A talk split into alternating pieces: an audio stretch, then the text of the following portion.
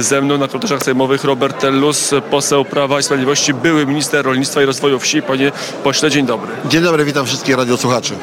No to co się wydarzy jutro? Co to będzie za strajk generalny i czy y, w ogóle jest emocja, żeby strajkować na wsi wobec rządu, który rządzi raptem niecałe dwa miesiące? No tak, no jest zapewne ta emocja. Dlaczego jest ta emocja? Po pierwsze, tam są takie trzy jakby cele, czy albo trzy filary e, tego protestu. Pierwszy filar to jest dotyczący właśnie tej lewackiej e, polityce, dzięki- e, przeciwko tej lewackiej polityce, która jest prowadzona w Unii Europejskiej przez Timmermansa, wprowadzona przez Timmermansa ta religia klimatyczna, tak już można to nazwać bardzo mocno.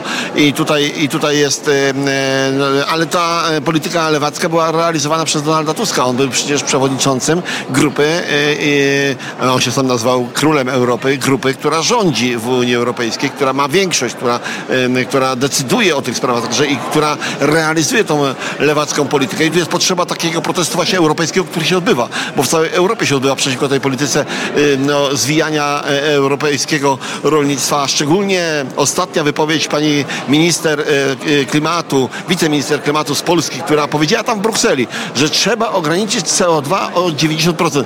Panie redaktorze, drodzy Państwo, to nie jest zwijanie europejskiego rolnictwa, ale zabicie europejskiego rolnictwa.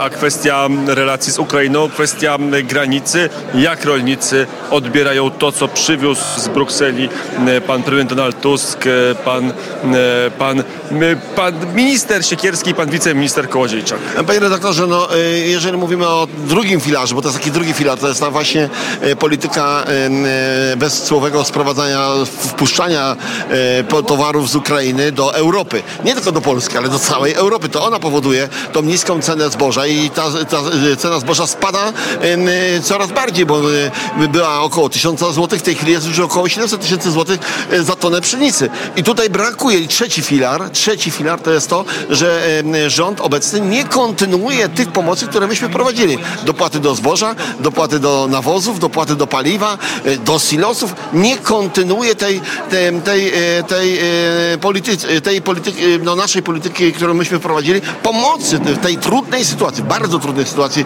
polskiemu rolnikowi. E, No dobrze, ale te kontyngenty, te zawieszenia, te limity, to coś w ogóle zmieni? Jest limity na drób, na jajka i na cukier. Panie redaktorze, jeżeli chodzi o limity, to już jak ja byłem ministrem, Unia Europejska zaproponowała, żeby właśnie wprowadzić limity, które będzie wy, e, licencje, które będzie wydawać, e, które będzie wydawać Ukraina. Ja się na to nie godziłem, dlatego że w momencie, gdy w tym momencie na Ukrainie mamy wojnę i ogromną korupcję, gdy ona będzie wydawać licencje albo limity, jakbyśmy to nie nazwali, w- sprowadzania produktów do, do Polski, do Europy, tutaj mówię do Polski, to przecież wiadomo, że to będzie dziurawe. Wiadomo, że to nie będzie nieskuteczne. A my dzisiaj nie chcemy w ogóle zboża. Myśmy wprowadzili zakaz sprowadzania i zboża, i produktów zbożowych do, do Polski. Co będzie z tym zakazem dalej? Bo to była e, od 15 września roku ubiegłego samodzielna, jednostronna decyzja kilku krajów członkowskich, między innymi Polski.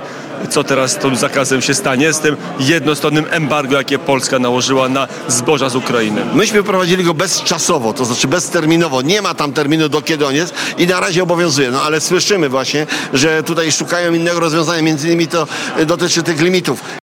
Tych limitów, bo jestem przeciwko tym limitom, dlatego że wiem o tym, że one są niebezpieczne, to znaczy, że są na tyle niebezpieczne, że są nieskuteczne. Wtedy zboże będzie jechało do Polski. Może w mniejszych ilościach, ale będzie jechało. Nie może jechać e, zboże. Musi być, tu, tu musi być skuteczne działanie i mocne działanie, to jak myśmy to wprowadzali. No dobrze, a rolnicy e, będą ciepło wspominać wasze rządy. To jest tak, że politycy Prawa i Sprawiedliwości jak się pojawią na tych, właśnie pan minister się pojawi na tych protestach, Panie redaktorze, nie chcę jechać na te protesty, ale nie dlatego, że tylko po prostu nie chcę, żeby one że były... pan się obawia, że Nie. pana wygwiżdżą. Nie, spotykam się z rolnikami w wielu miejscach, ale nie chcę tutaj jechać na barykady, bo byłoby bardzo łatwo jechać na barykady. Mam traktor, mogę swoim traktorem pojechać, ale byłby to wtedy protest y, u- upolityczniony, upartyjniony. A ja chcę, żeby to były właśnie takie, ta, taki jest, myślę, że to jest dobre, żeby to był właśnie protest rolników.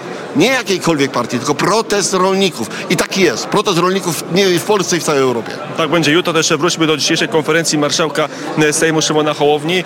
Pojawiła się ciekawa propozycja, żeby no, sposobem problem rozwiązać dwóch polityków, dwóch posłów, żeby Maciej Wosik i Mariusz Kamiński wystartowali do Europarlamentu. Za chwilę wybory 9 czerwca.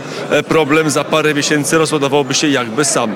Panie redaktorze, przede wszystkim to e, e, pan marszałek Hołownia zapędził się sam w kozie róg. On dziś tak naprawdę nie wie, co dalej zrobić. To on wydał decyzję. Nie może być tak, że w Polsce marszałek będzie wydawał decyzję, y, kto jest posłem, kto nie. Za chwilę może powiedzieć, że Telus mu się nie podoba, bo ma krzywy nos, nos albo za duży brzuch i go będzie chciał z, z, no, z decyzją wykreślić, y, wy, wygasić mu mandat. Od tego jest Sąd Najwyższy. Mamy postanowienie Sądu Najwyższego, które uchyla decyzję pana marszałka Hołowni. Twardy do, dowód na to, że oni są posłami. No dobrze, to będą kolejne akcje, tak jak wczoraj, bo wczoraj pan był blisko, bardzo blisko tego próby siłowego wejścia na teren Sejmu. Chyba to nie wyszło najlepiej, najtaktowniej i chyba efekt polityczny jest kontrskuteczny. No to nie była e, chęć e, siły, siłowego wejścia, to była chęć e, spotkania się z decydentami w tej sprawie i pokazania im dokumentów, że mamy takie dokumenty, że panowie posłowie mają takie dokumenty, ale tutaj tak, ani marszałek Hołownia nie przyszedł, ani pan minister Cisiocki nie przyszedł na spotkanie,